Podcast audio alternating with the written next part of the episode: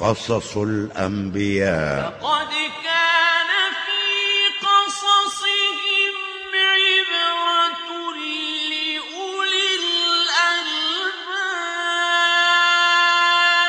فمن رحمة الله تبارك وتعالى بخلقه أن أرسل إليهم رسلا مبشرين ومنذرين. قصص الأنبياء.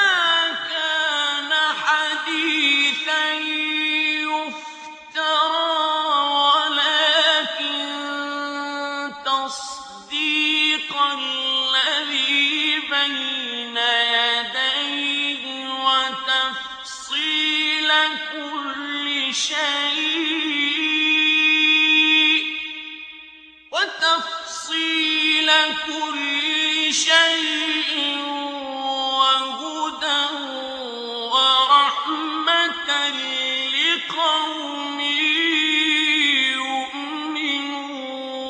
يؤمنون. تسجيلات إلاف الإسلامية للإنتاج والتوزيع في الكويت. تقدم قصص الأنبياء. كلامنا في هذه السلسلة عن سير وقصص الأنبياء الذين قال الله تبارك وتعالى أولئك الذين هدى الله فبهداه مقتده للشيخ عثمان بن محمد الخميس. كذلك نقص عليك من أنباء ما قد سبق وقد آتيناك من لدنا ذكرا قصص الأنبياء. الرسل الذين ذكرهم الله تبارك وتعالى في القرآن خمسة وعشرون. آدم. وعلم آدم الأسماء كلها ثم عرضهم على الملائكة فقال فقال أنبئوني بأسماء هؤلاء إن كنتم صادقين. نوح. لقد أرسلنا نوحا إلى قومه فقال يا قوم اعبدوا الله ما لكم من إله غيره.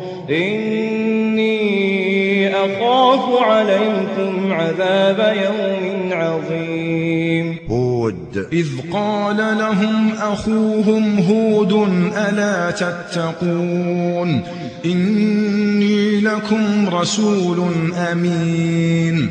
فاتقوا الله وأطيعون. صالح. كذبت ثمود المرسلين إذ قال لهم أخوهم صالح ألا تتقون؟ شعيب أيوب داود سليمان يونس. إبراهيم إسحاق يعقوب يوسف لوط موسى عيسى. قصص الأنبياء قصص الأنبياء قصص الأنبياء قصص الأنبياء. والآن مع المقدمة وقصة نبي الله آدم عليه السلام.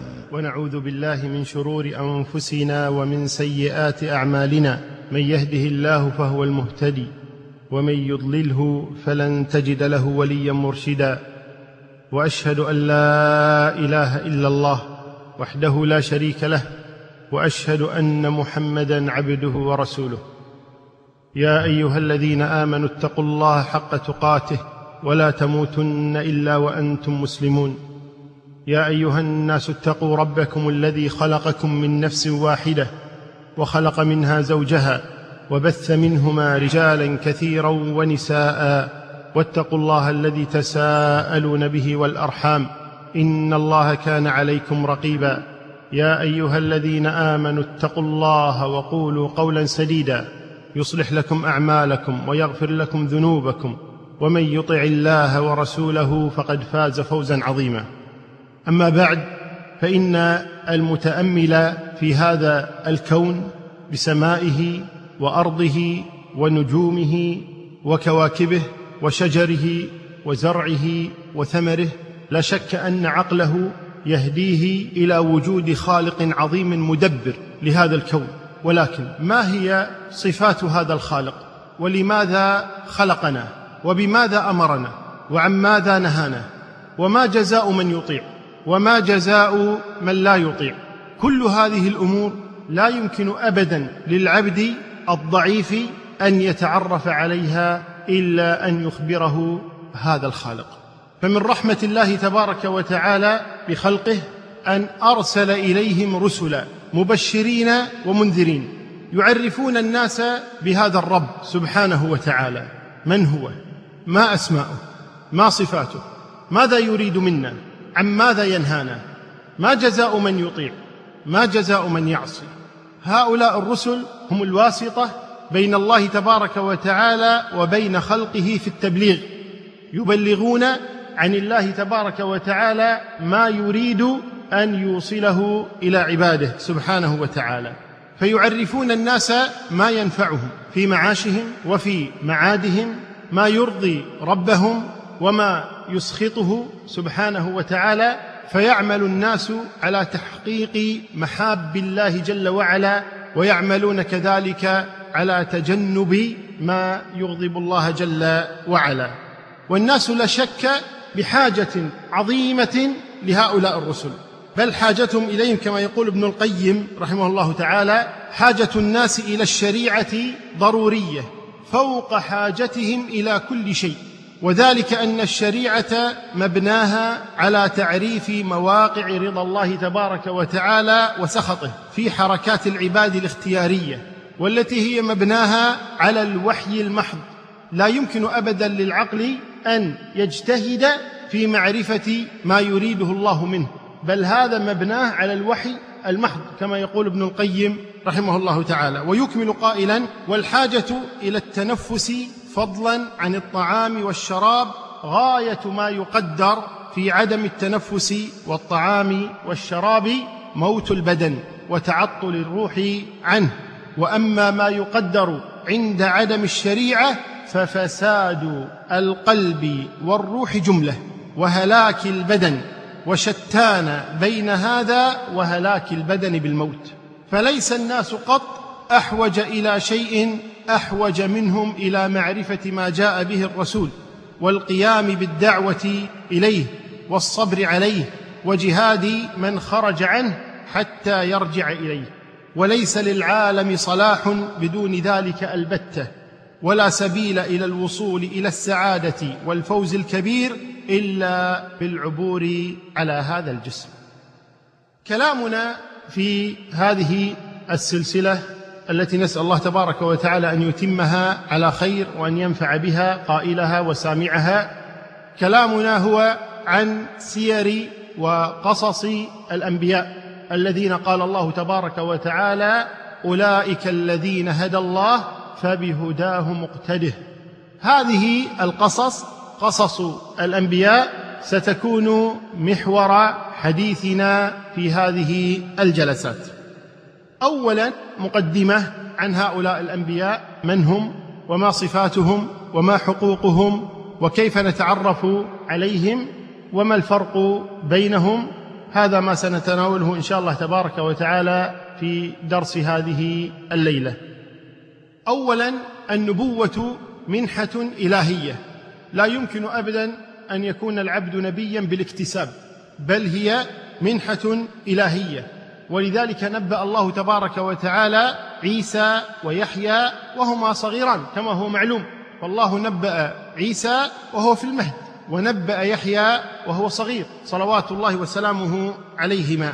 ولذلك قال الكفار لولا نزل هذا القرآن على رجل من القريتين عظيم. فبين الله لهم بقوله أهم يقسمون رحمة ربك؟ هذه رحمة من الله تبارك وتعالى يجعلها حيث شاء. ولذلك قال جل وعلا الله أعلم حيث يجعل رسالته. إذن هو اختيار من الله جل وعلا يختار من يراه مناسبا لحمل هذه المسؤولية. والرسل كثر كما هو معلوم لديكم. وأسباب تعدد الرسل اولا كثرة الأمم. فإذا جمعت إلى كثرة الأمم قول الله تبارك وتعالى وإن من أمة إلا خلا فيها نذير. عرفت عند ذلك عدد الرسل الذين أرسلهم الله تبارك وتعالى من حيث الكثرة فهم كثر لأن الأمم كثر فالرسل كذلك يكونون كثر تبعا لهذه الأمم. ولذا قال الله جل وعلا وما كنا معذبين حتى نبعث رسولا خاصة إذا أضفت إلى هذا أن الأنبياء والمرسلين في السابق كانوا يبعثون إلى أقوامهم خاصة في زمن خاص في مكان خاص إلى قوم خاصين. الذي بعث إلى الناس كافة هو محمد صلى الله عليه وسلم. أما باقي الرسل والأنبياء فكان الواحد منهم يرسل إلى قوم خاصين في زمن خاص في مكان خاص. بهذا تعرف أن الرسل كثر. ولذلك جاء في الأحاديث بيان عدد الأنبياء وأنه كثير جدا. جاء عند أحمد أن أبا ذر سأل النبي صلى الله عليه وسلم عن عدد المرسلين قال جم غفير ثلاثمائة وبضعة عشر. هؤلاء المرسلون. وجاء في المسند كذلك أن أبا ذر كذلك سأل النبي صلى الله عليه وسلم عن عدد الأنبياء فقال مئة وأربع وعشرون ألف نبي فالعدد إذن كبير جدا. هذا عدد الأنبياء الذين نبأهم الله تبارك وتعالى على خلاف بين أهل العلم في صحة هذا الحديث. ولكن يكفينا قول الله جل وعلا وإن من أمة إلا خلا فيها نذير إذا السبب الأول هو كثرة الأمم. أما السبب الثاني فهو حاجة الناس إلى المرسلين. وقد ذكرنا قريبا أن الناس لا يستطيعون أبدا أن يعبدوا الله تبارك وتعالى على بصيرة حتى يعلموا ما يريد الله جل وعلا منهم. ولن يعلموا هذا إلا عن طريق المرسلين. والإيمان بالرسل أصل من أصول هذا الدين العظيم. ولذلك لما جاء جبريل وسأل النبي صلى الله عليه وسلم عن الإيمان قال أن تؤمن بالله وملائكته وكتبه ورسله واليوم الآخر والقدر خيره وشره. وقال الله جل وعلا آمن الرسول بما أنزل إليه من ربه والمؤمنون كل آمن بالله وملائكته وكتبه ورسله. وقال جل وعلا ليس البر أن تولوا وجوهكم قبل المشرق والمغرب. ولكن البر من آمن بالله واليوم الآخر والملائكة والكتاب والنبيين. وقال جل وعلا سابقوا إلى مغفرة من ربكم وجنة عرضها كعرض السماء والأرض أعدت للذين آمنوا بالله ورسله. فالقصد أن الإيمان بالرسل أصل من أصول الإيمان. لا يقبل الله تبارك وتعالى إيمان أحد حتى يؤمن برسل الله تبارك وتعالى. تسجيلات إلاف الإسلامية. الأنبياء والمرسلون أفضل من جميع البشر فهم الخلص من عباد الله تبارك وتعالى اصطفاهم الله جل وعلا. وهذا الاصطفاء من الله لا يكون ابدا محاباة ولكن الاصطفاء من الله جل وعلا يكون معه زيادة تكليف دائما. فالمعلوم أن الذكر أفضل من الأنثى في الأصل. الرجال قوامون على النساء بما فضل الله بعضهم على بعض وبما أنفقوا من أموالهم. ولكنهم لهذا أوجب على الرجال ما لم يوجب على النساء. فيجب عليكم حضور الجماعات ويجب عليكم الجهاد ويجب عليكم الدعوة والهجرة والخروج في سبيل الله تبارك وتعالى للدعوة ونشر هذا الدين العظيم. وغير ذلك كثير مما لم تؤمر به النساء. ولذلك لما قالت عائشة على النساء جهاد قال جهادكن الحج والعمرة. اذا وافق زيادة التفضيل زيادة التكليف. ولما فضل الأحرار على العبيد أوجب على الأحرار ما لم يوجب على العبيد. حتى قال بعض أهل العلم إنه لا يجب على العبد الحج ولا يجب عليه الجهاد ولا تجب عليه صلاة الجماعة ولا يجب عليه الزكاة وهكذا غيرها كثير. لماذا؟ لأن زيادة التفضيل فيها زيادة التكليف. وفضل الله تبارك وتعالى الأنبياء على سائر الخلق وزاد من تكليف الأنبياء. وأوجب عليهم ما لم يوجب على الناس من الأمر بالدعوة إلى الله تبارك وتعالى. حتى قال الله تبارك وتعالى وما كان لنبي أن يغل ومن يغلل يأتي بما غل يوم القيامة. فالشاهد أن الأنبياء زاد من فضلهم وزاد من تكليفهم سبحانه وتعالى. ولذلك يجوز لك في القتال أن تفر إذا كان العدو أكثر من الضعف. أما النبي فلا يجوز له أن يفر بأي حال من الأحوال فأوجب عليهم ما لم يوجب عليك. والمرسلون أفضل من الأنبياء فزاد تكليفهم على الأنبياء كما سيأتي في تعريف النبي والرسول. وأولو العزم إنما سموا أولو العزم للمشقة التي لاقوها في الدعوة إلى الله تبارك وتعالى. فهذا إبراهيم عليه الصلاة والسلام وموسى ونوح وعيسى ومحمد صلى الله عليه وسلم. هؤلاء هم أولو العزم من الرسل. ولك أن ترجع إلى قصص هؤلاء الرسل الخمسة حتى تعرف المعاناة والجهد والبذل الذي بذلوه في سبيل الدعوة إلى الله تبارك وتعالى وما كان هذا إلا لأن الله فضلهم على غيرهم من البشر. فزاد من تكليفهم ولذلك سموا بأولي العزم. فكلكم يعرف حديث موسى وسيأتينا تفصيله إن شاء الله تعالى. وكلكم يعرف حديث إبراهيم وما وقع له مع أبيه ومع ملك بابل ومع أهله ومع قومه ومع أولاده. وكلكم يعرف حديث نوح وكم مكث في قومه يدعو إلى الله تبارك وتعالى. وأما عيسى فإنه بذل الشيء الكثير ولم ينتهي دوره بعد. وسينزل مرة ثانية إلى هذه الأرض حتى يكمل دعوته. ولا يخفى على الجميع. دور سيدنا محمد صلى الله عليه وسلم في الدعوة إلى الله جل وعلا. فالأنبياء إذن هم خير البشر وكل من فضل غير الأنبياء على الأنبياء من البشر فإنه كافر. لا يجوز ابدا أن يفضل غير النبي على النبي بل أجمع أهل العلم على أن من فضل غير الأنبياء على الأنبياء على أنه كافر والعياذ بالله.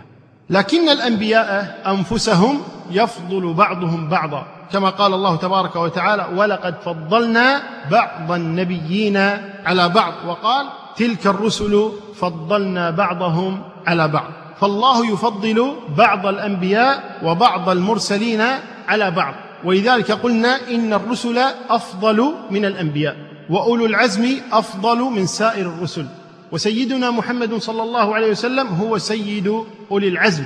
ولذلك جاء عنه أنه قال أنا سيد ولد آدم ولا فخر صلوات الله وسلامه عليه. وجاء كذلك قول الله تبارك وتعالى وإذ أخذنا من النبيين ميثاقهم ومنك ومن نوح وإبراهيم وموسى وعيسى بن مريم وأخذنا منهم ميثاقا غليظا. ويقول صلوات الله وسلامه عليه فضلت على الأنبياء بست أعطيت جوامع الكلم. ونصرت بالرعب مسيرة شهر في تبوك. لما خرج صلوات الله وسلامه عليه إلى تبوك نصره الله بالرعب فألقى الله الرعب في قلوب النصارى ففروا وتركوا الغنائم. فذهب النبي إلى تبوك ولم يقاتل ورجع بالغنائم صلوات الله وسلامه عليه. مسيرة شهر نصره الله بالرعب. وقال وأحلت لي الغنائم. وذلك أن الأنبياء السابقين إذا كانوا في قتال لا يغنمون شيئا. وإنما إذا انتهى القتال جمعت الغنائم في مكان فنزلت نار من السماء فأخذتها. ولم تحل الغنائم إلا لنبينا محمد صلى الله عليه وآله وسلم. وقال وجعلت لي الأرض مسجدا وطهورا. فأيما رجل من أمتي أدركته الصلاة فعنده مسجده وطهوره. تصلي في أي مكان ما عدا الأماكن التي جاء النهي عنها كالمقبرة والحمام. وقال وأرسلت إلى الناس كافة. إذن هو مفضل على جميع الأنبياء والمرسلين صلوات الله وسلامه عليه. تسجيلات إلاف الإسلامية. رسل الله هم الكمل من الناس. كما قال الله تبارك وتعالى الله أعلم حيث يجعل رسالته. فهم الكمل في الخلق. خلقهم حسن. أحسن الله تقويمهم سبحانه وتعالى. فهم الكمل في الخلق.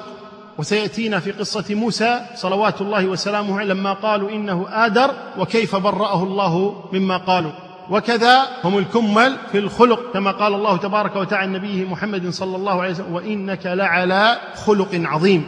وقالت بنت الرجل الصالح يا أبت استأجره إن خير من استأجرت القوي الأمين. وهم الكمل في الخلق وهم الكمل في النسب. فلم يبعث الله تبارك وتعالى نبيا من العبيد وإنما الأنبياء كلهم أحرار بعثهم الله أحرارا وكذلك هم الكمل في العقل فعقولهم راجحة وذكاؤهم حاد كما قال الله تبارك وتعالى وتلك حجتنا آتيناها إبراهيم على قومه فالله تبارك وتعالى أعطاه الحجة والبيان في أنهم إذا ناظروا احدا لما ناظر قومه ولما ناظر الملك أظهر الله تبارك وتعالى الحجه معه وكذا موسى وكذا محمد صلى الله عليه وسلم ونوح وغيرهم من الأنبياء. هم كمل في العقل وهم كمل في الصبر في الدعوة إلى الله تبارك وتعالى وكمل في الجهاد وكمل في العبادة فهم الكمل من خلق الله صلوات الله وسلامه عليهم. هذا كلامنا في أنبياء الله صلوات الله وسلامه عليهم. ولكنه أبى بعض الفجار الكفار إلا أن يطعنوا في أنبياء الله صلوات الله وسلامه عليهم. فهذا الكتاب الذي يسمى بالكتاب المقدس عند اليهود والنصارى وهو الذي يشتمل العهد القديم الذي هو التوراه ويشتمل العهد الجديد الذي هو الإنجيل. وهذا الكتاب يؤمن به جميعهم. ما عدا العهد الجديد فإن اليهود لا يؤمنون به لأن اليهود لا يؤمنون بعيسى صلوات الله وسلامه عليه وإنما يزعمون أنهم يؤمنون بموسى فقط. وقد نقلت بعض كلامهم في أنبياء الله من الطعون التي لا يجوز أبدا أن تنسب إلى الصالحين من البشر فضلا عن أن تنسب إلى الكمل من البشر وهم أنبياء الله صلوات الله وسلامه عليهم. فهذا سفر التكوين في الإصحاح التاسع. يذكرون عن نوح عليه الصلاة والسلام يقولون وابتدأ نوح يكون فلاحا وغرس كرما وشرب من الخمر فسكر وتعرى داخل خبائه فأبصر حام أبو كنعان عورة أبيه وأخبر أخويه خارجا. هذا عن نوح عليه الصلاة والسلام.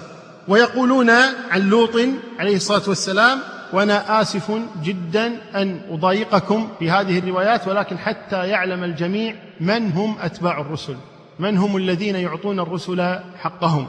قالوا وصعد لوط من صوغر وسكن في الجبل وابنتاه معه لأنه خاف أن يسكن في صوغر فسكن في المغارة هو وابنتاه وقالت البكر للصغيرة أبونا قد شاخ وليس في الأرض رجل ليدخل علينا كعادة كل الأرض.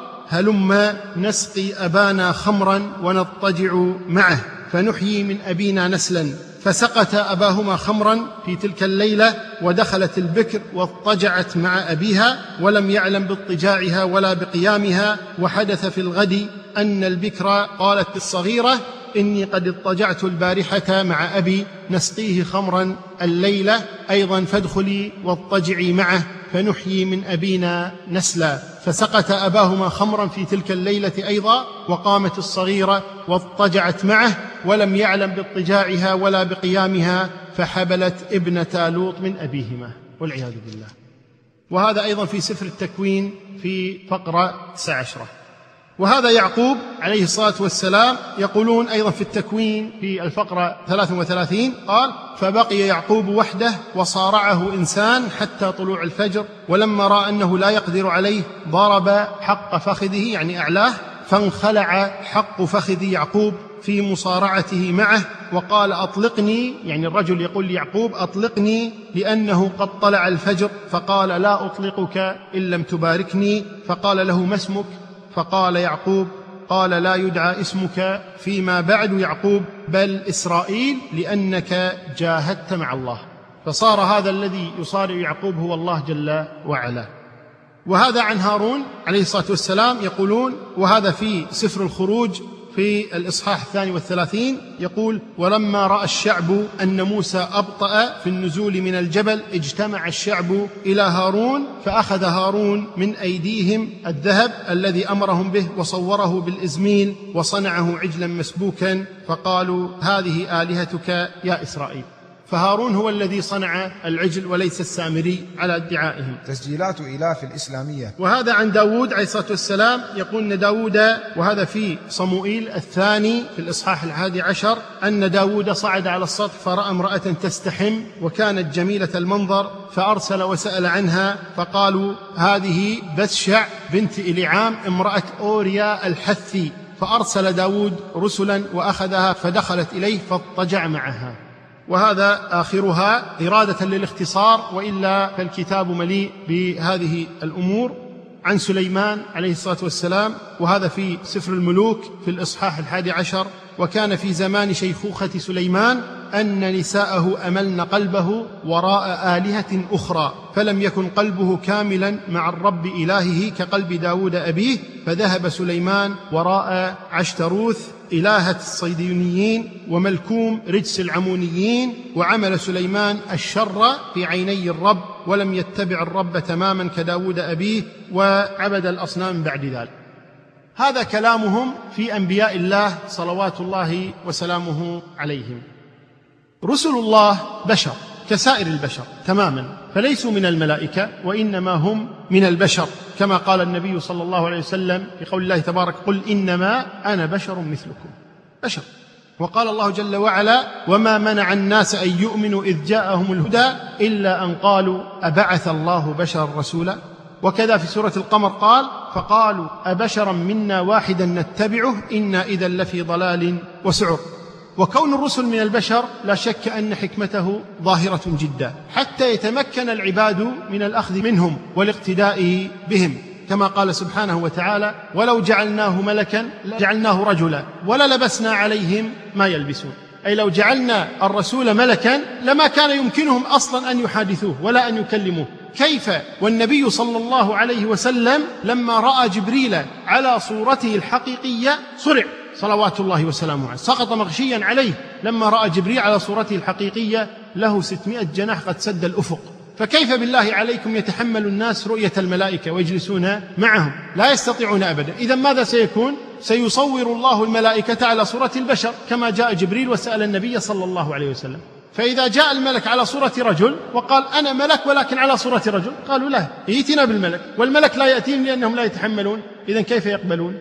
لا يمكن أبدا. ولذا قال الله تبارك ولو جعلناه ملكا لجعلناه رجلا. ولا لبسنا عليهم ما يلبسون. يعني ما استفادوا شيئا من كونه ملك. الرسل الذين ذكرهم الله تبارك وتعالى في القرآن خمسة وعشرون. الذين نص عليهم بأسمائهم كما جمعها الشاعر في قوله في تلك حجتنا منهم ثمانية من بعد عشر ويبقى سبعة وهم إدريس هود شعيب صالح وكذا ذو الكفل آدم بالمختار قد ختموا. هؤلاء هم رسل الله الذين ذكروا في القرآن. قول الله تبارك وتعالى وتلك حجتنا آتيناها إبراهيم على قومه نرفع درجات من نشاء إن ربك حكيم عليم ووهبنا له إسحاق ويعقوب كلا هدينا ونوحا هدينا من قبل ومن ذريته داود وسليمان وأيوب ويوسف وموسى وهارون وكذلك نجزي المحسنين وزكريا ويحيى وعيسى وإلياس كل من الصالحين وإسماعيل واليسع ويونس ولوطا وكلا فضلنا على العالمين. وإبراهيم قد ذكر في البداية فهؤلاء ثمانية عشر رسولا أو نبيا ذكرهم الله تبارك وتعالى في آيات وتلك حجتنا آتيناها إبراهيم على قومه. بقي سبعة من الرسل وهم آدم وهود وصالح وشعيب وإدريس وذو الكفل ومحمد صلى الله عليهم أجمعين. هؤلاء الرسل أربعة منهم من العرب وهم شعيب وهود وصالح ومحمد صلوات الله وسلامه عليهم أجمعين. والعجيب أن هودا وصالحا لا ذكر لهم في التوراة والإنجيل أبدا. وقد ذكر بعض أهل العلم قال لعل هذا من الحسد الذي دفع اليهود إلى حذف اسمي هذين النبيين لأنهما من العرب. هناك أنبياء آخرون مختلف فيهم أو جاءوا في السنة. منهم شيث وهو عن أبي ذر مرفوعا أنه قال إنه أنزل عليه خمسون صحيفة. وهذا أخرجه ابن حبان بإسناد حسن. ويوشع وهو صاحب موسى. تلميذ موسى الذي خرج معه صاحب موسى هو يوشع بن نون وهو نبي جاءت السنة بالنص عليه. وهناك نبي وهو شمويل. وذكروا أن شمويل هذا الذي قال الله تبارك وتعالى عنه ألم تر إلى الملأ من بني إسرائيل من بعد موسى إذ قالوا لنبي لهم ابعث لنا ملكا نقاتل في سبيل الله. قالوا هذا النبي اسمه شمويل. والله أعلم لأن هذا إنما جاء في أخبار بني إسرائيل وسيأتينا التفصيل كيف نتعامل مع أخبار بني إسرائيل.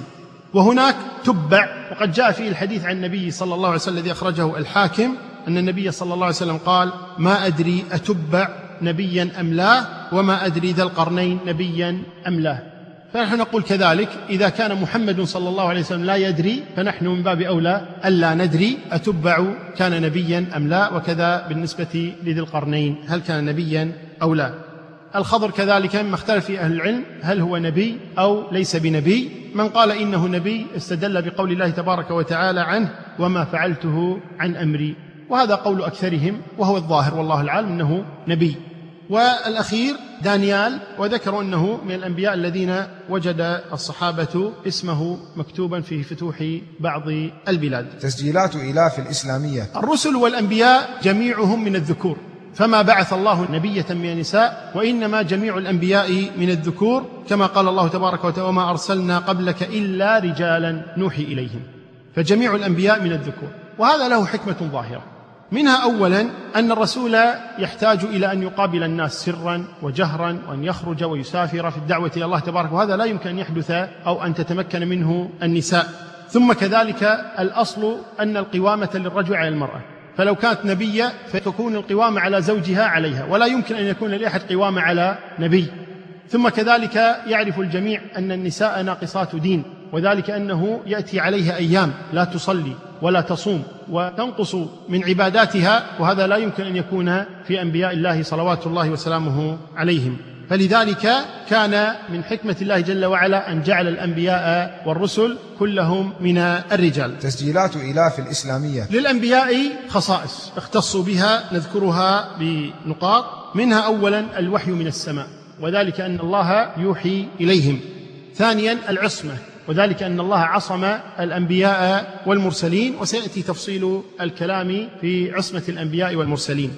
الثالث تنام أعينهم ولا تنام قلوبهم. قد تنام عين النبي ولكن قلبه لا ينام أبدا. وهذا أخرجه البخاري ومسلم. كذلك يخيرون عند الموت. ما يموت نبي حتى يخير كما أخبر النبي صلى الله عليه وسلم في الحديث الذي أخرجه كذلك البخاري ومسلم. الأرض لا تأكل أجسادهم. لو حفرت قبر أي نبي لوجدت جسده كما لو دفن اليوم أبدا. حرم الله على الأرض أن تأكل أجساد الأنبياء. وهذا أخرجه أبو داود والنسائي بإسناد صحيح. الأنبياء والمرسلون يقبرون حيث يموتون ولذلك لما مات النبي صلى الله عليه وسلم دفنوه في بيته وكل نبي يدفن حيث يموت. كذلك لا يورثون مالا كما قال أبو بكر رضي الله عنه عن النبي صلى الله عليه وسلم إنه قال إن معاشر الأنبياء لا نورث فلا يورثون مالا. وهذا الحديث في الصحيحين. كذلك الأنبياء يورثون العلم. إن الأنبياء لم يورثوا درهما ولا دينارا وإنما ورثوا العلم. وهذا أخرجه أبو داود بإسناد صحيح. كذلك من خصائص الأنبياء أنهم رجال وقد سبق ذكر ذلك. ومن خصائص الأنبياء أنهم أحرار فليس هناك من الأنبياء عبيد. الأنبياء أكمل البشر خلقا وخلقا وقد نبهنا عليه. خصهم الله بلفظ صلى الله عليه وسلم أنهم يصلى عليهم صلوات الله وسلامه عليهم. ولو صلى الإنسان على غير الأنبياء جاز. ولكن الأفضل أن لا تطلق هذه الكلمة إلا على الأنبياء. وقد قال النبي صلى الله عليه وسلم اللهم صل على آل أبي أوفى. وأنت تقول في صلاتك اللهم صل على محمد وعلى آل محمد. ولكن كلمة صلى الله عليه وسلم ذكر أهل العلم الأصل أن لا تطلق إلا على الأنبياء.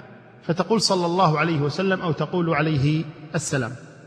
كذلك الأنبياء مصطفون كما قال الله تبارك وإنهم عندنا لمن المصطفين الأخيار وقال الله أعلم حيث يجعل رسالته.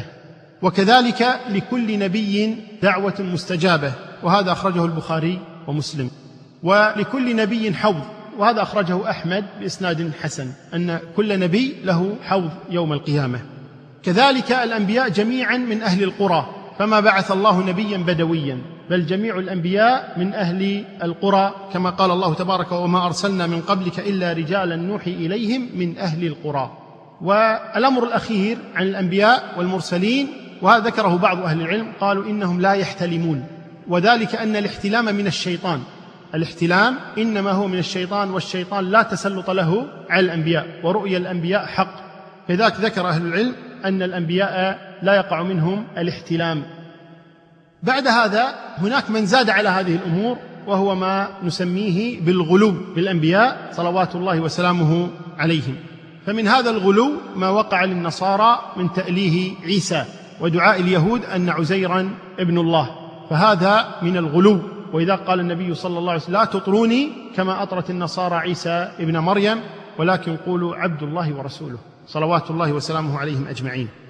ومن الغلو القليل بداية الغلو الذي نسأل الله تبارك وتعالى أن يزيله. ما نراه في بعض المساجد أو في البيوت أو مع بعض الناس أنهم يضعون اسم محمد صلى الله عليه وسلم بجانب اسم الله هكذا الله محمد.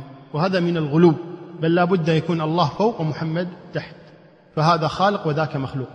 نحن نحب محمدا صلى الله عليه وسلم ولكن لا يجوز أبدا أن نجعل منزلته كمنزلة الله تبارك وتعالى بل هو عبد مربوب مخلوق لله تبارك وتعالى أو تجعل بعض الميداليات الله محمد هذا غلو.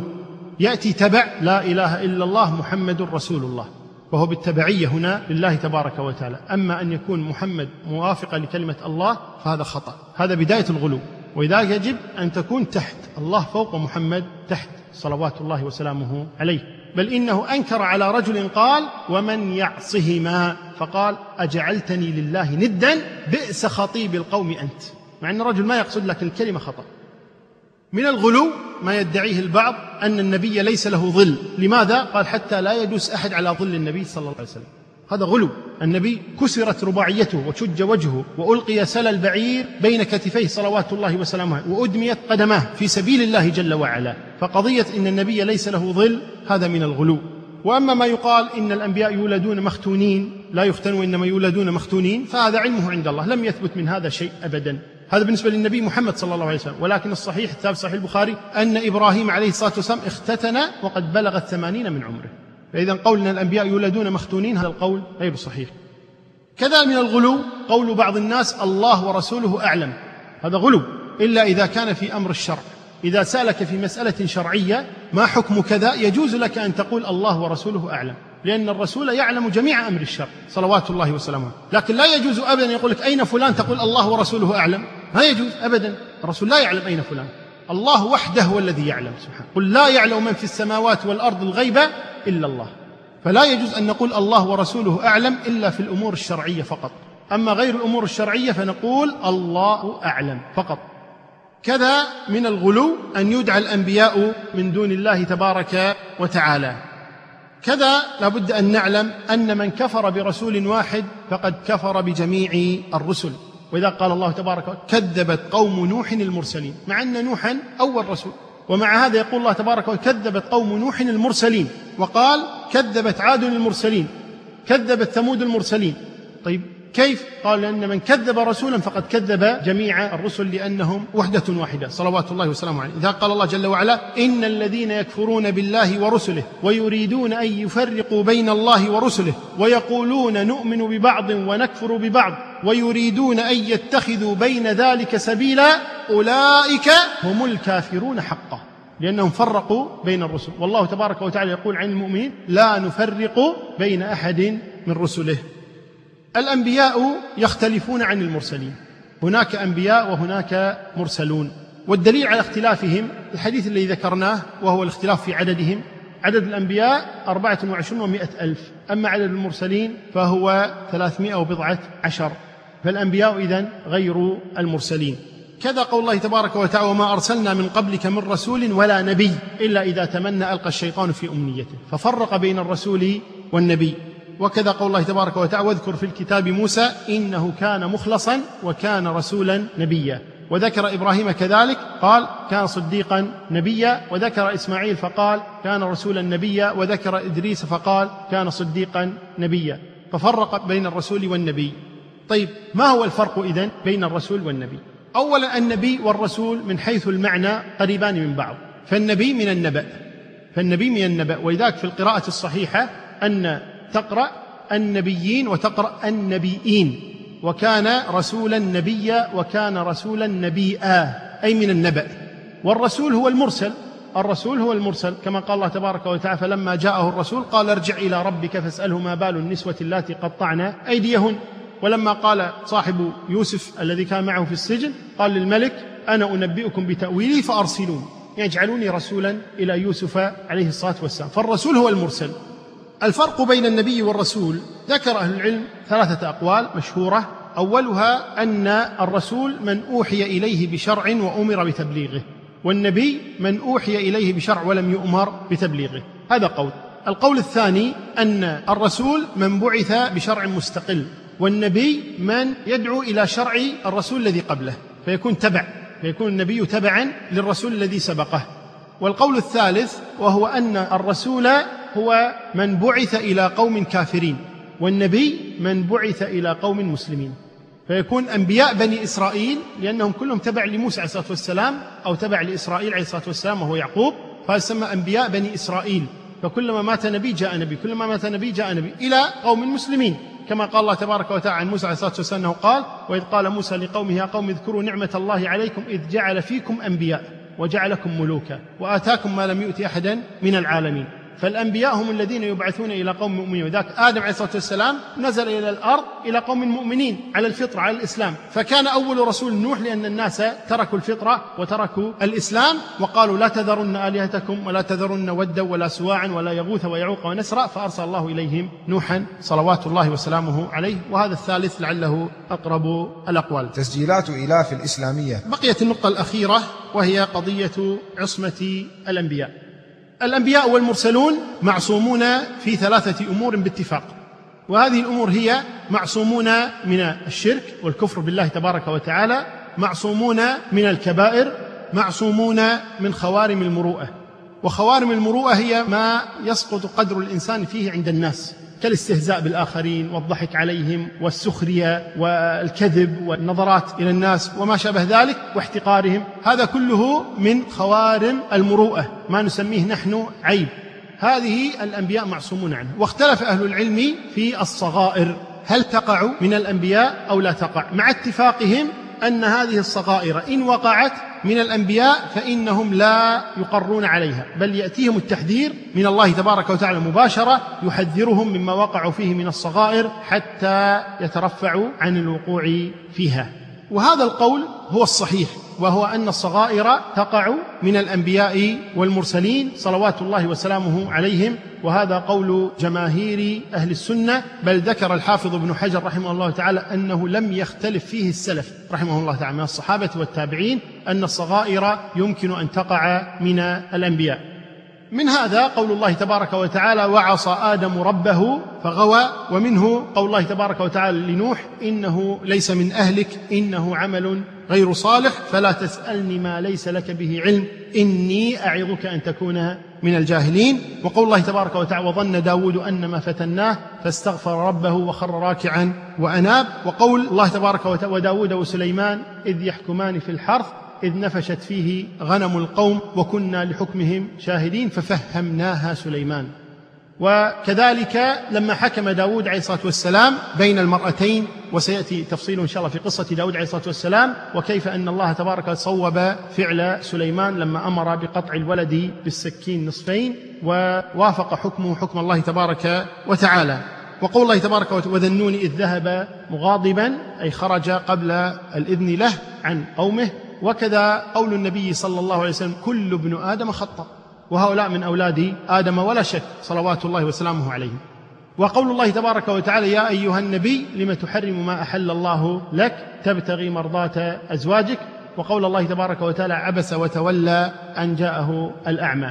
فالصحيح أن الصغائر يمكن أن تقع من الأنبياء صلوات الله وسلامه عليهم ولكنهم لا يقرون عليها بل يستغفرون منها ويتوبون ويكون حالهم بعد التوبة أفضل من حالهم قبل الوقوع في هذه الأمور. قصص الأنبياء. والقصة في اللغة هي من قص الأثر أي تتبعه. فقص الأثر هو المشي على أثر من سبق حتى يصل إليه أو إلى مراده. والقصة القرآنية تختلف عن القصة الأدبية. وذلك أن القصة في القرآن الكريم لا مجال للخيال فيها بل هي وقائع تاريخية شاهدة على التاريخ. وهي كما قال الله تبارك وتعالى نحن نقص عليك أحسن القصص. فقصص القرآن على الصحيح في تفسير هذه الآية إنه ليس المقصود منها قصة يوسف صلوات الله وسلامه عليه في قوله تعالى نحن نقص عليك أحسن القصص.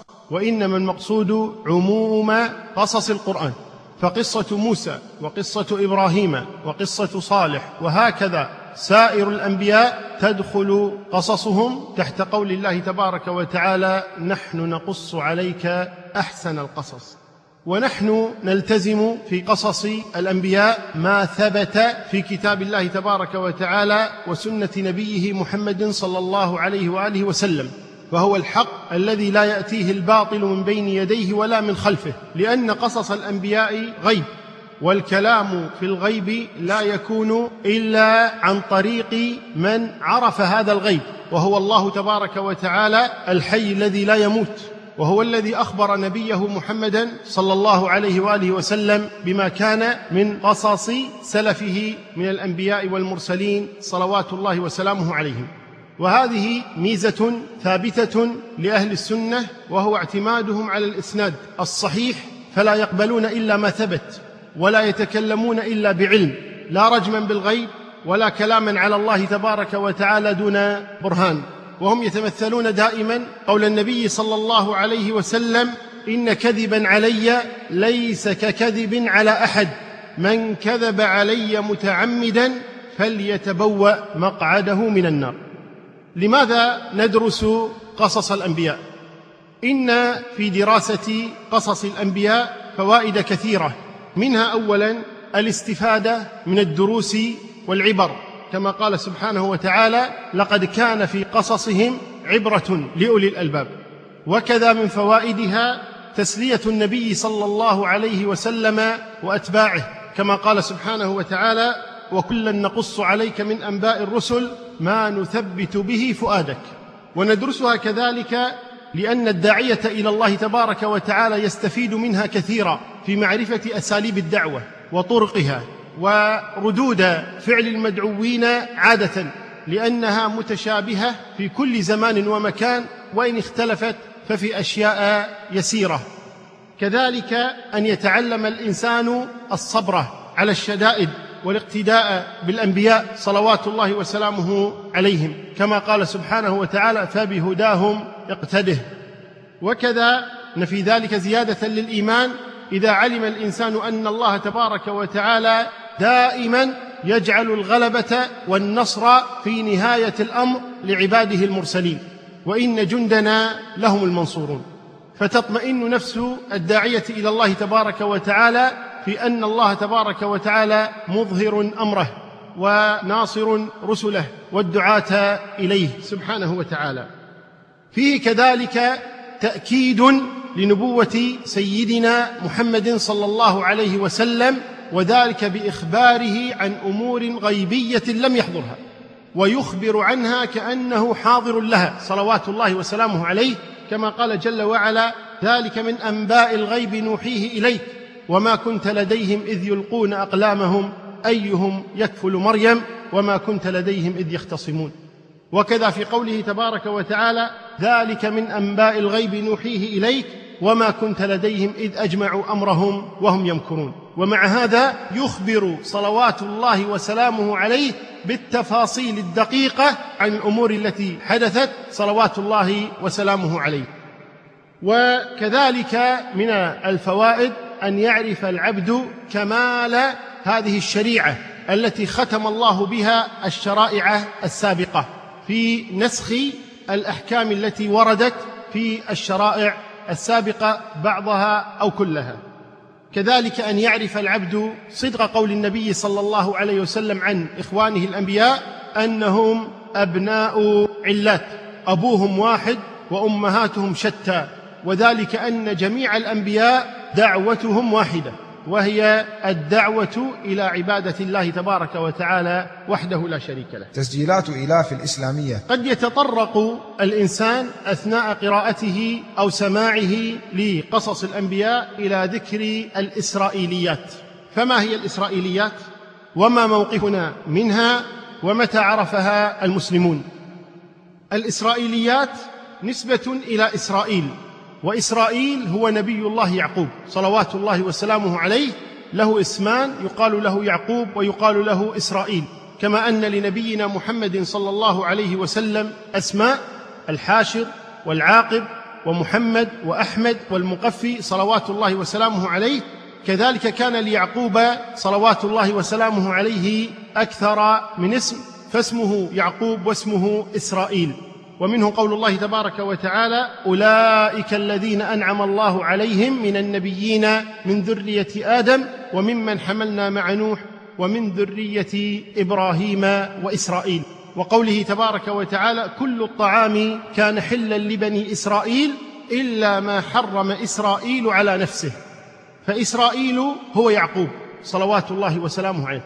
وعندما يقولون أخبار بني إسرائيل أو أنبياء بني إسرائيل يعنون نسل يعقوب صلوات الله وسلامه عليه. فنسل يعقوب هم بنو إسرائيل.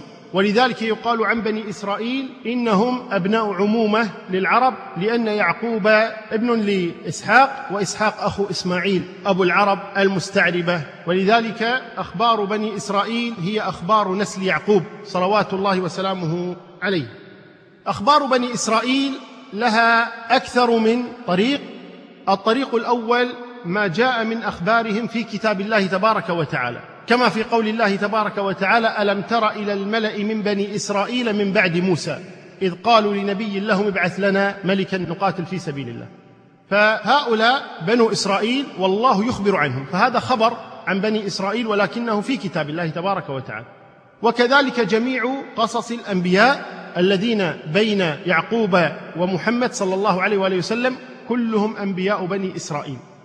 هؤلاء أنبياء بني إسرائيل أي الأنبياء الذين أرسلوا لبني إسرائيل وهم كثر كما قال الله تبارك وتعالى وإذ قال موسى لقومه يا قوم اذكروا نعمة الله عليكم إذ جعل فيكم أنبياء وجعلكم ملوكا وآتاكم ما لم يؤت أحدا من العالمين. وكذلك من أخبار بني إسرائيل ما جاء في السنة مما أخبر به النبي صلى الله عليه وسلم وهذا كثير جدا. كما ذكر صلوات الله وسلامه عليه من قصة جريج العابد وقصة الثلاثة الذين دخلوا إلى الغار. نزلت صخرة فأطبقت عليهم فم الغار. وكذلك قصة بني إسرائيل وقصة أصحاب الكهف. كثير جدا هي القصص التي تذكر في الكتاب والسنة عن بني إسرائيل. فهذه نقبلها ونصدق بها ونؤمن بها كما أخبر الله جل وعلا أو أخبر رسوله صلى الله عليه وآله وسلم.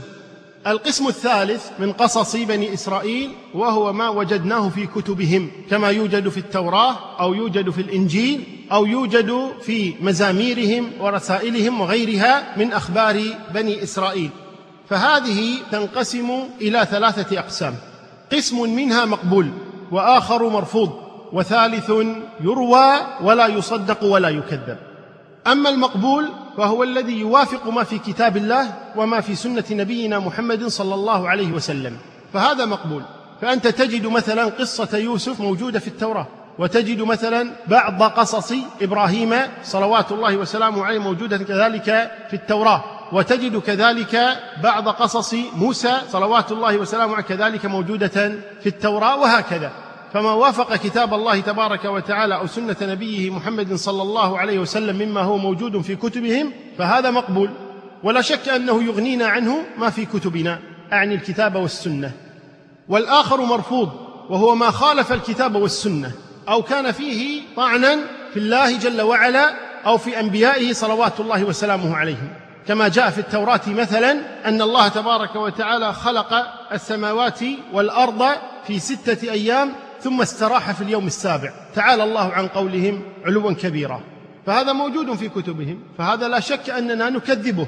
وكذا ما ذكرناه من طعنهم في أنبياء الله صلوات الله وسلامه عليهم أجمعين. فهذا كذلك مما نرده ونكذبه. القسم الثالث وهو الذي لا يوجد في كتاب الله ولا يوجد في سنة رسوله محمد صلى الله عليه وسلم وليس فيه أي طعن في أنبياء الله ولا في رب العزة تبارك وتعالى. فهذا تجوز روايته. كما قال النبي صلى الله عليه وسلم بلغوا عني ولو آية وحدثوا عن بني إسرائيل ولا حرج ومن كذب علي متعمدا فليتبوأ مقعده من النار. أخرجه الإمام البخاري. وقال صلوات الله وسلامه عليه لا تصدقوا أهل الكتاب ولا تكذبوهم وقولوا آمنا بالله وما أنزل علينا. فالإنسان المسلم موقفه من هذه الإسرائيليات التي لا تخالف ولا توافق أنه لا يكذب لأنه قد يكذب حقه ولا يصدق لأنه قد يصدق باطلا. فماذا يفعل؟ يجوز له أن يروي يجوز له أن يحدث كما قال صلوات الله وسلامه عليه حدثوا عن بني إسرائيل ولا حرج. خاصة القصص التي تكون فيها بعض العبر والفوائد من قصص بني إسرائيل. كبعض الحكم التي تنقل عن عيسى صلوات الله وسلامه عليه أنه قال عن الدنيا مثلا اعبروها ولا تعمروها. فهذه كلمة طيبة وحكمة. قد يكون عيسى صلوات الله وسلامه عليه قالها وقد يكون لم يقلها. الله أعلم بهذا. لذلك لا بأس أن نرويها ولكن لا نصدق ولا نكذب ولا نجزم أن عيسى صلوات الله وسلامه عليه قالها ولكن نقول يروى عن عيسى صلوات الله وسلامه عليه أنه قال كذا. ويروى هذه كلمة فيها تمريض يعني يحتمل أنه ثبت ويحتمل أنه لم يثبت. وقصص بني إسرائيل كثيرة جدا تلك التي فيها شيء من المواعظ والفوائد التي يستفيدها المرء في دينه ولكن لا يحتاجها وإنما يستفيد منها. كمثل القصة التي ذكرت أن ثلاثة نالوا مالا ثم خرج أحدهم أحد الثلاثة خرج ليأتي بالطعام وجلس اثنان فاتفقا على قتل صاحبهما ليقسم المال بينهما بدل أن يقسم على ثلاثة فيقسم على اثنين. واتفق على هذا أنه إذا جاء قتله وخرج الرجل. فلما ذهب الرجل فكر قال لماذا يقسم المال على ثلاثة؟ لماذا لا أخذه لي وحدي؟ فأدس السم لهما فيموتان وآخذ المال لي. فذهب وأتى بالطعام ودس فيه السم. فخطط لقتلهما وخطط لقتله. فلما رجع استغفلاه جاءه في غفلة فقتلاه ثم أكل الطعام فمات. هذه عبرة فائدة الطمع كيف يؤدي بالإنسان وكيف أنه يهلكه. كيف أنهم لم يرضوا أن يأخذ كل واحد منهم ثلث المال فخرجوا صفر اليدين مع الإثم الذي ركبهم. فالشاهد هذه فيها عبرة يستفيدها الإنسان في حياته ولكن لا يحتاجها في دينه في حلال أو حرام وإنما تذكر للعبرة والاستفادة. هذه الأخبار عن بني إسرائيل التي قد نذكرها وقد ذكرها أهل العلم وتسالموا على نقلها كمثل نقلهم عن أهل الكهف. ما هي أسماؤهم؟ ما لون كلبهم؟ عصا موسى من أي الشجر كانت؟ وكذا الطيور التي ذبحها نبي الله إبراهيم صلوات الله وسلامه عليه من أي الطيور كانت؟ وغير ذلك كثير كإخوة يوسف ما أسماؤهم؟ ما الجب الذي ألقوا يوسف فيه؟ ما اسم امرأة العزيز؟ وغير ذلك كثير من أخبار بني إسرائيل التي لا مانع من الاستئناس بها وذكرها ولكن الإنسان لا يعتمد عليها اعتمادا كليا. يقول الحافظ ابن كثير رحمه الله تعالى لسنا نذكر من الإسرائيليات إلا ما أذن الشارع في نقله مما لا يخالف كتاب الله وسنة رسوله صلى الله عليه وسلم وهو القسم الذي لا يصدق ولا يكذب ما فيه. وهذا يكون فيه بسط لمختصر عندنا أو تسمية لمبهم ورد به شرعنا مما لا فائدة في تعيينه لنا. فنذكره على سبيل التحلي لا على سبيل الاحتياج إليه والاعتماد عليه. وإنما الاعتماد والاستناد على كتاب الله وسنة رسوله ما صح نقله أو حسن. فقد قال تعالى كذلك نقص عليك من أنباء ما قد سبق وقد آتيناك من لدنا ذكرا. فما شهد له شرعنا بالصدق فلا حاجة بنا إليه استغناء بما عندنا. وما شهد له شرعنا بالبطلان فذاك مردود. لا يجوز حكايته إلا على سبيل الإنكار والإبطال. فإذا كان الله سبحانه وله الحمد قد أغنانا برسولنا محمد صلى الله عليه وسلم عن سائر الشرائع وبكتابه عن سائر الكتب فلسنا نترامى على ما بأيديهم مما وقع فيه خبط وخلط وكذب ووضع وتحريف وتبديل وبعد ذلك كله نسخ وتغيير. اذا هذا هو موقفنا من روايات بني إسرائيل. فما فائدتها إذن؟ فائدتها أن يعرف العبد أو يتعرف على كيفية فعل الله تبارك وتعالى بأوليائه وكيف فعل سبحانه وتعالى بأعدائه. والنبي صلى الله عليه وسلم بين لنا كل شيء كما في حديث أبي زيد الانصاري يقول صلى بنا رسول الله صلى الله عليه وسلم يوما الصبح ثم صعد المنبر فخطبنا حتى حضرت الظهر ثم نزل فصلى بنا الظهر ثم خطبنا حتى صلى بنا العصر. ثم خطبنا حتى غابت الشمس فنزل وصلى بنا المغرب فحدثنا بما كان وما هو كائن فأعلمنا أحفظنا. وهذا أخرجه الإمام مسلم في صحيح قصص الأنبياء. أول ما يبدأ الإنسان عند قراءته لقصص الأنبياء يبدأ بقصة أبي الأنبياء صلوات الله وسلامه عليه وهو آدم ولا يقال ابن من لأن آدم كما هو معلوم ليس له أب بل هو أبو البشر صلوات الله وسلامه عليه. خلق الله تبارك وتعالى نبيه آدم من تراب. كما قال جل وعلا إن مثل عيسى عند الله كمثل آدم خلقه من تراب. ثم قال له كن فيكون. ثم خلط التراب بالماء فصار طينا كما قال سبحانه وتعالى الذي أحسن كل شيء خلقه وبدأ خلق الإنسان من طين. ثم ترك هذا الطين حتى صار حما مسنونا أي له رائحة منتنة وهو أملس في نفس الوقت. قال سبحانه وتعالى ولقد خلقنا الإنسان من صلصال من حمأ مسنون. ثم ترك حتى جف فصار كالفخار وهو مصداق الله تبارك وتعالى خلق الإنسان من صلصال كالفخار. فهذا الذي ذكره الله تبارك وتعالى ذكر أن الإنسان خلق من صلصال كالفخار خلق من طين لازب خلق من تراب. كل هذا في وقت غير الوقت الآخر.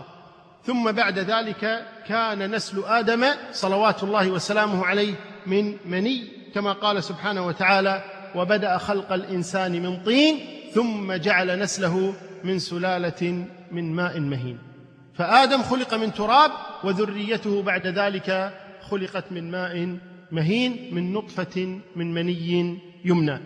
عن عائشة رضي الله عنها قالت قال رسول الله صلى الله عليه وسلم خلقت الملائكة من نور وخلقت الجان من مارج من نار وخلق آدم مما وصف لكم. أخرجه الإمام مسلم في صحيحه. أما صفة آدم فقد روى أبو هريرة رضي الله عنه عن النبي صلى الله عليه وسلم أنه قال خلق آدم وطوله ستون ذراعا.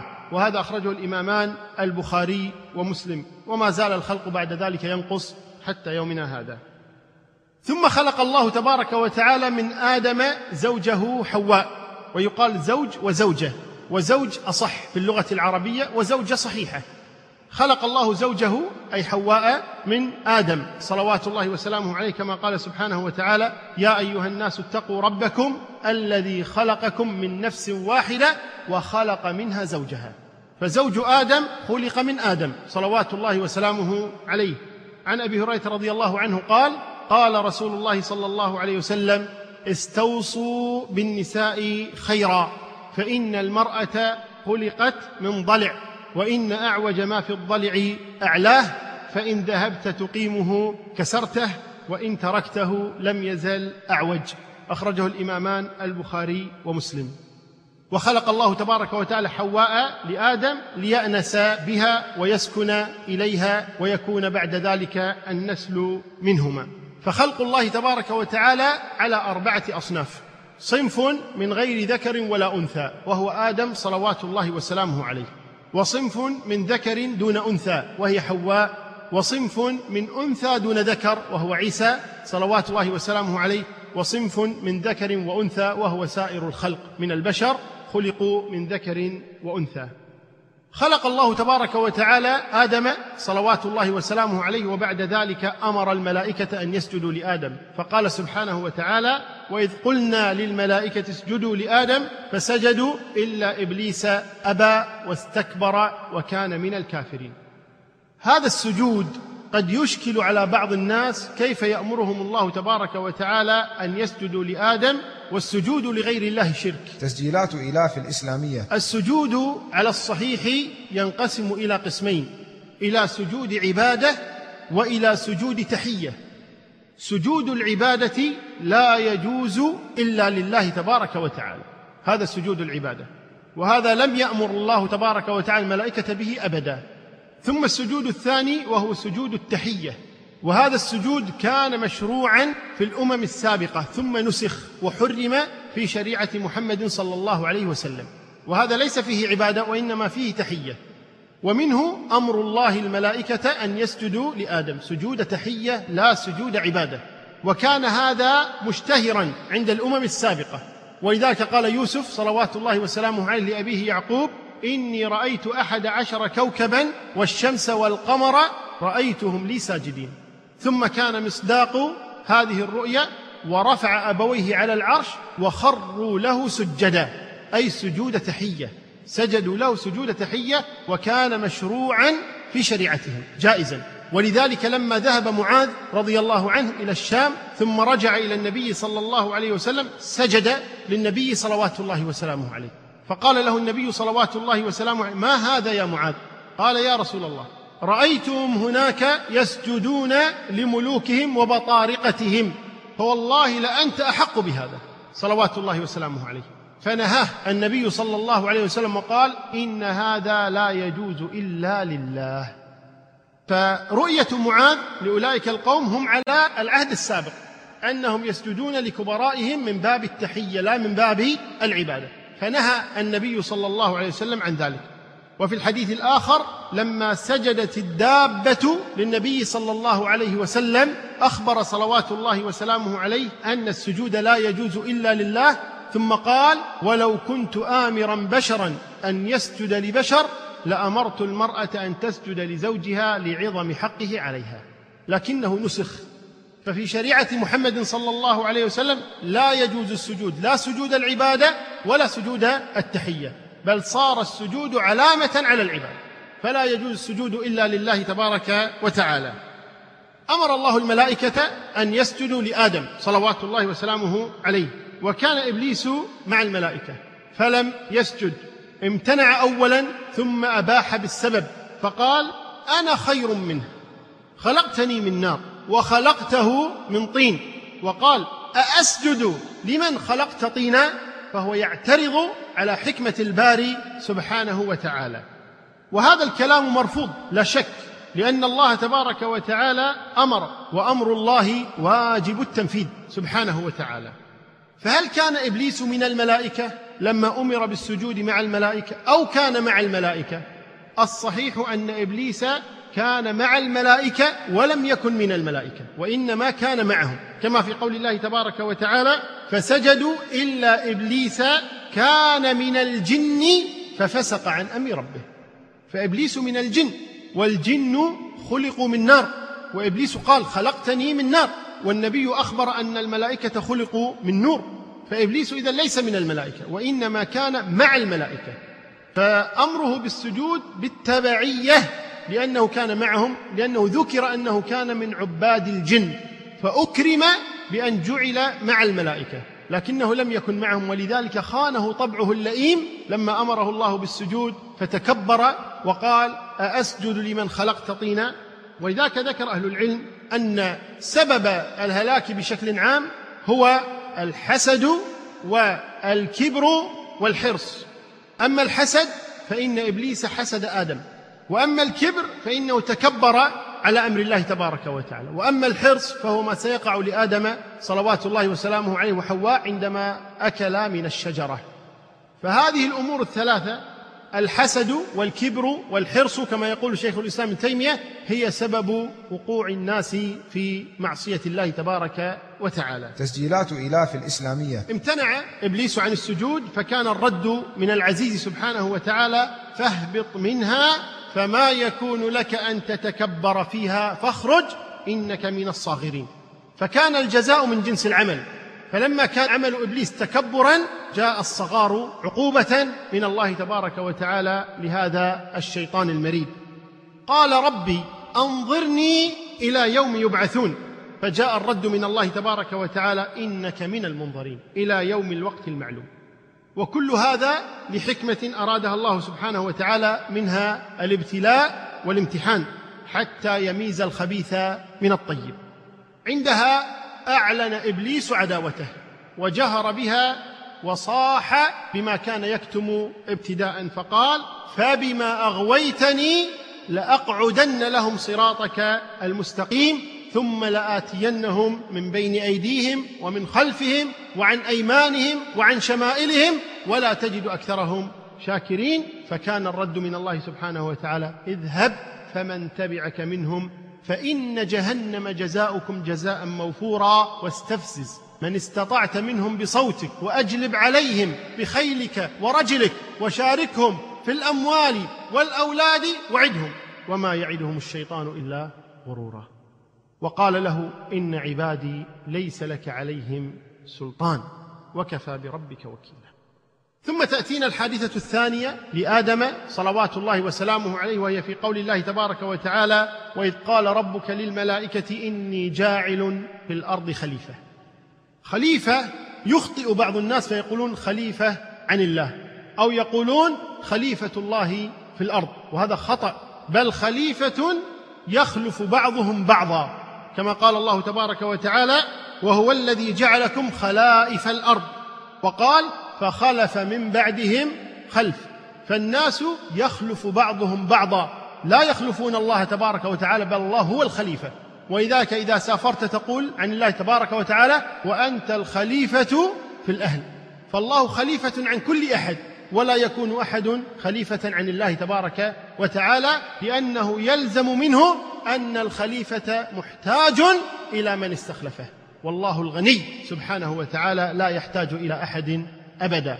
فالخليفة من الله وليس الخليفة عن الله تبارك وتعالى. فلما قال الله هذا للملائكة قال الملائكة أتجعل فيها من يفسد فيها؟ ويسفك الدماء ونحن نسبح بحمدك ونقدس لك.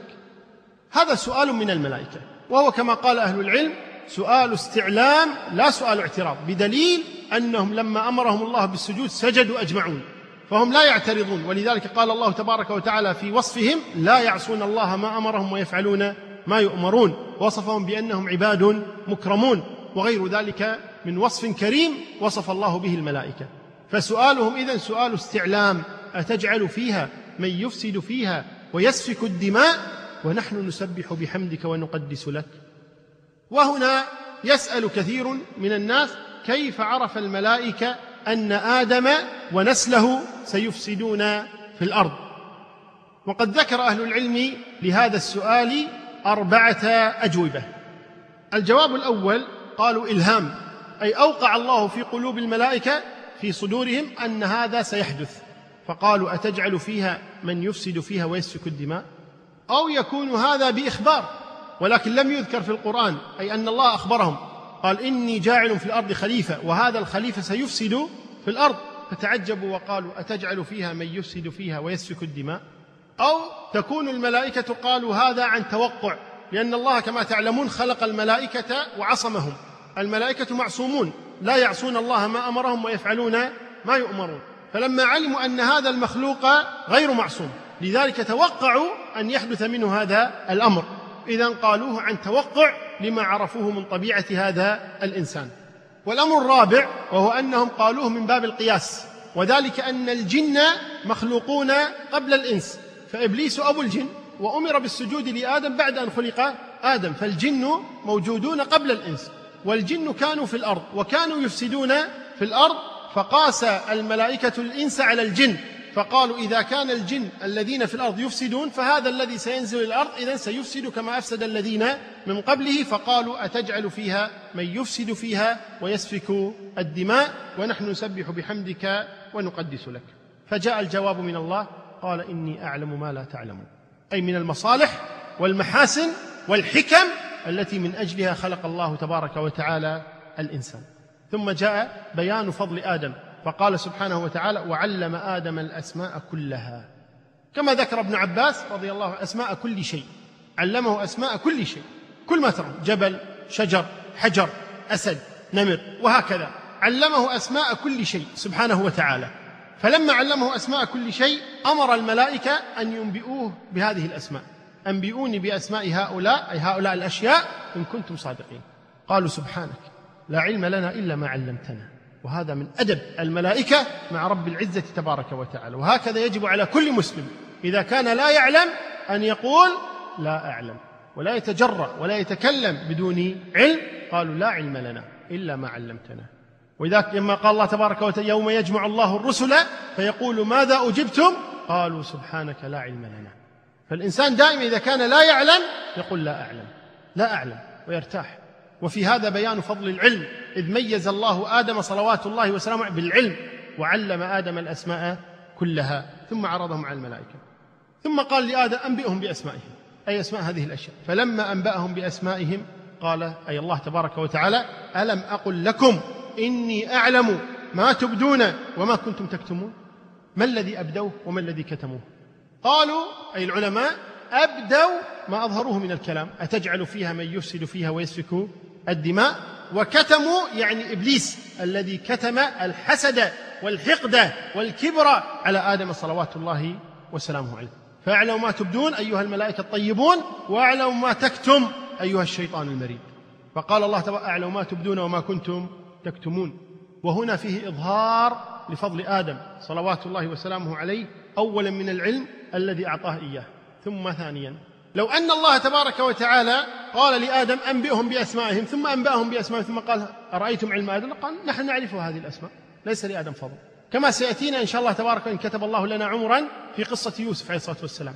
لما جاء الملك وجمع الناس وقال يا أيها الملأ أفتوني في رؤياي إن كنتم للرؤيا تعبرون. قالوا أضغاث أحلام. وما نحن بتأويل الأحلام بعالمين ثم جاء فضل يوسف لما عجزوا.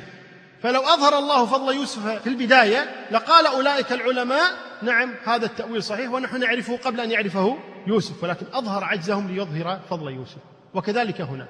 أظهر عجز الملائكة عندما قالوا سبحانك لا علم لنا إلا ما علمتنا فظهر فضل آدم صلوات الله وسلامه عليه لما قال أنبئهم بأسمائهم. قصص الأنبياء. بعد ذلك قال الله تبارك وتعالى بعد أن أعلن إبليس عداوته وحقده وإرادته غواية آدم صلوات الله وسلامه عليه قال الله تبارك وتعالى ويا آدم اسكن أنت وزوجك الجنة فكلا من حيث شئتما ولا تقربا هذه الشجرة فتكونا من الظالمين. فوسوس لهما الشيطان ليبدي لهما ما وري من سوآتهما. كيف وسوس العلم عند الله؟ غيب. دخل في بطن حية أذن له الله أن يدخل وسوس لهما دون أن يدخل. علمه عند ربي تبارك وتعالى ولا نخوض فيما لا نعلم. المهم أنه وسوس كما أخبر الله تبارك وتعالى. ليبدي لهما ما وري من سوآتهما. وقال ما نهاكما ربكما عن هذه الشجرة إلا أن تكونا ملكين أو تكونا من الخالدين. كذب. كذب عليهما. ثم قال الله تبارك وتعالى وقاسمهما إني لكما لمن الناصحين. كيف استجاب آدم وحواء لقول إبليس؟ مع أن الله حذره وحذر حواء من إبليس أنه عدو لكما فلا يخرجنكما من الجنة فتشقى. كيف أطاعه آدم؟ قال أهل العلم ما كان آدم يظن أن أحدا يجرؤ على أن يقسم بالله كذبا وقاسمهما أي أقسم بالله وقاسمهما إني لكما لمن الناصحين. فما ظن آدم أبدا أن أحدا يجرؤ على أن يقسم بالله كذبا. فأطاعه لهذا السبب ولذا قال الله تبارك وتعالى بعد وعصى آدم ربه فغوى أي في طاعته للشيطان. وقاسمهما إني لكما لمن الناصحين فدلاهما بغرور. فلما ذاق الشجرة بدت لهما سوآتهما وطفقا يخصفان عليهما من ورق الجنة. وهذا فيه أن الإنسان بطبيعته يستر عورته يستر عورته. ما يحب أن تظهر عورته مع أن ما جاءت شرائع ولا جاء شيء لكن فطرة في الإنسان أنه لا يحب أن تظهر عورته. ولذلك بادر آدم وحواء إلى ستر العورة وطفقا يخصفان عليهما من ورق الجنة أي يستران عورتيهما بهذه الأوراق. وناداهما ربهما. ألم أنهكما عن تلكما الشجرة؟ وأقل لكما إن الشيطان لكما عدو مبين. قال ربنا ظلمنا أنفسنا. أي في فعلنا هذا. ظلمنا أنفسنا. وإن لم تغفر لنا وترحمنا لنكونن من الخاسرين. توبة وندم وعودة وأوبة. قال الله تبارك وتعالى قال اهبطوا بعضكم لبعض عدو ولكم في الأرض مستقر ومتاع إلى حين. قال فيها تحيون وفيها تموتون ومنها تخرجون. ويقول الله تبارك في الآية الأخرى فتلقى آدم من ربه كلمات فتاب عليه. إنه هو التواب الرحيم. ما هي هذه الكلمات هذه التي قالها؟ ربنا ظلمنا أنفسنا وإن لم تغفر لنا وترحمنا لنكونن من الخاسرين. ما هي هذه الشجرة التي أكل منها آدم صلوات الله وسلامه عليه؟ قال الإمام ابن جرير الطبري إمام المفسرين وإمام المؤرخين لم يضع الله جل ثناؤه لعباده المخاطبين بالقرآن دلالة على أي أشجار الجنة كان نهيه آدم أن يقربها بنص عليها باسمها أو بدلالة عليها. ولو كان في العلم بأي ذلك من أي رضا لم يخل عباده من نصب دلالة لهم عليها. كان يوضح لهم هذا الأمر لكن ما في فائدة. يقول من نصب دلالة لهم عليها يصلون بها إلى معرفة عينها ليطيعوه بعلمهم بها كما فعل ذلك في كل ما بالعلم به له رضا. يعني كل شيء تعلمه فيه رضا لله تبارك وتعالى يعلمك. سبحانه أما الشيء الذي ما فيه رضا لله بعلمه ما في داعي أن يعلمك سبحانه وتعالى. لذلك قال إن الله جل ثناؤه نهى آدم وزوجته عن أكل شجرة بعينها من أشجار الجنة دون سائر أشجارها فأكلا منها ولا علم عندنا بأي شجرة كانت على التعيين لأن الله لم يضع لعباده دليلا على ذلك في القرآن ولا من السنة الصحيحة. إذا أي شجرة أكل منها آدم؟ الله أعلم. ولا يضرنا شيء. اليهود قبحهم الله تجرأوا وتكلموا بدون علم فقالوا إن الشجرة التي أكل منها آدم هي شجرة المعرفة. ولذلك قامت الحرب الشعواء من الكنيسة على العلم ومنها خرجت العلمانية. الذين كانوا يحاربون العلم في الكنيسة كانوا يحاربون العلم لأن الجريمة التي من أجلها أخرج آدم من الجنة هي طلب العلم. لأنه أكل من شجرة المعرفة فطلب العلم كان عندهم جريمة ولذلك حاربوا العلماء وقتلوا من قتلوا من علمائهم وبالتالي قامت الثورة في المقابل على الكنيسة بخروج اللادينيين الذين هم العلمانيون خرجوا على الكنيسة حربا على الدين لأن الدين عندهم يحارب العلم. وما علموا أن ديننا أول ما نزل منه قول الله تبارك وتعالى اقرأ باسم ربك الذي خلق. ولكن هكذا وقع منهم. خلق آدم صلوات الله وسلامه عليه يوم الجمعة كما قال النبي صلى الله عليه وسلم وفيه أي في يوم الجمعة أدخل الجنة وفيه أخرج منها. وهذا أخرجه الإمام مسلم في صحيحه. والجنة التي أخرج منها آدم قيل الجنة المأوى هي الجنة التي تكون في الآخرة وقيل جنة في الأرض والله أعلم ولكن جماهير أهل العلم على أنها الجنة التي سيدخلها الناس يوم القيامة بدليل أن الناس عندما يأتون آدم في حديث الشفاعة المشهور عندما يأتون آدم ويقولون له يا آدم أنت أبو البشر خلقك الله بيده وأسجد لك ملائكته اشفع لنا عند ربك. فيقول وهل أخرجكم من الجنة غيري؟ فالظاهر والعلم عند الله أن الجنة التي أخرج منها آدم هي الجنة التي سندخلها جميعا إن شاء الله تبارك وتعالى. آمين. تسجيلات إلاف الإسلامية. بعد ذلك علينا أن نعلم أن الله تبارك وتعالى أكرم آدم بأربعة أشياء خصه بها. أولا خلقه بيده الكريمة سبحانه وتعالى. ولا يصح قول من يقول أي خلقه بقدرته لأن الله عاب على إبليس وقال ما منعك أن تسجد لما خلقت بيدي فثناهما. ولو كان المقصود القدرة والقوة لكان إبليس يرد على الله ويقول وأنا أيضا خلقتني بيديك أنا خلقتني بقوتك وقدرتك. ولكن إبليس أعلم من الذين أنكروا أن يكون الله خلق آدم بيديه بل أكرمه سبحانه وتعالى بأن خلقه بيديه سبحانه وتعالى وهما يدان تليقان بالله ليست كأيدينا أبدا وإنما هما تليقان بالله جل وعلا. فهذا الأمر الأول. الثاني أن الله نفخ فيه من روحه وهذا الإكرام الثاني من الله لآدم صلوات الله وسلامه عليه. والثالث أنه أسجد له ملائكته. وهذا إكرام ثالث. والرابع أن الله علمه أسماء الأشياء كلها. فهذه الأشياء التي أكرم الله بها آدم.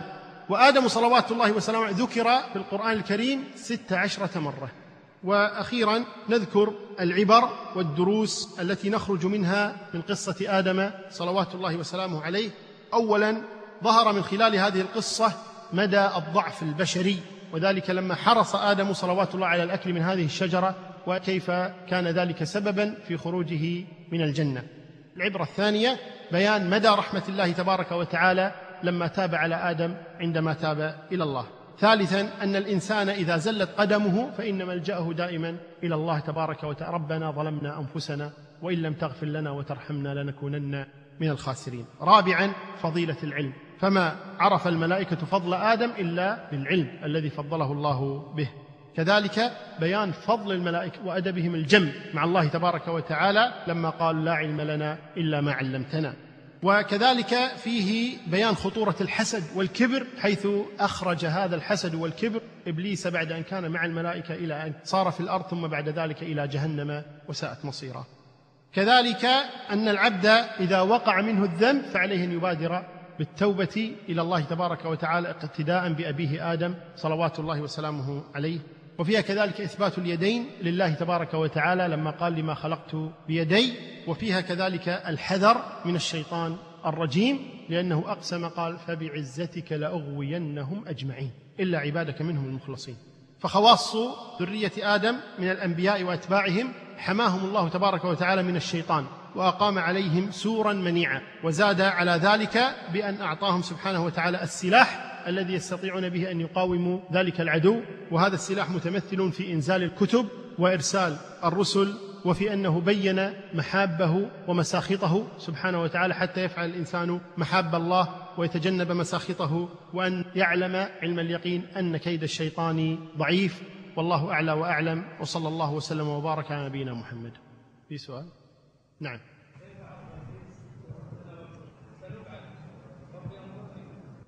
إلى يوم يبعثون؟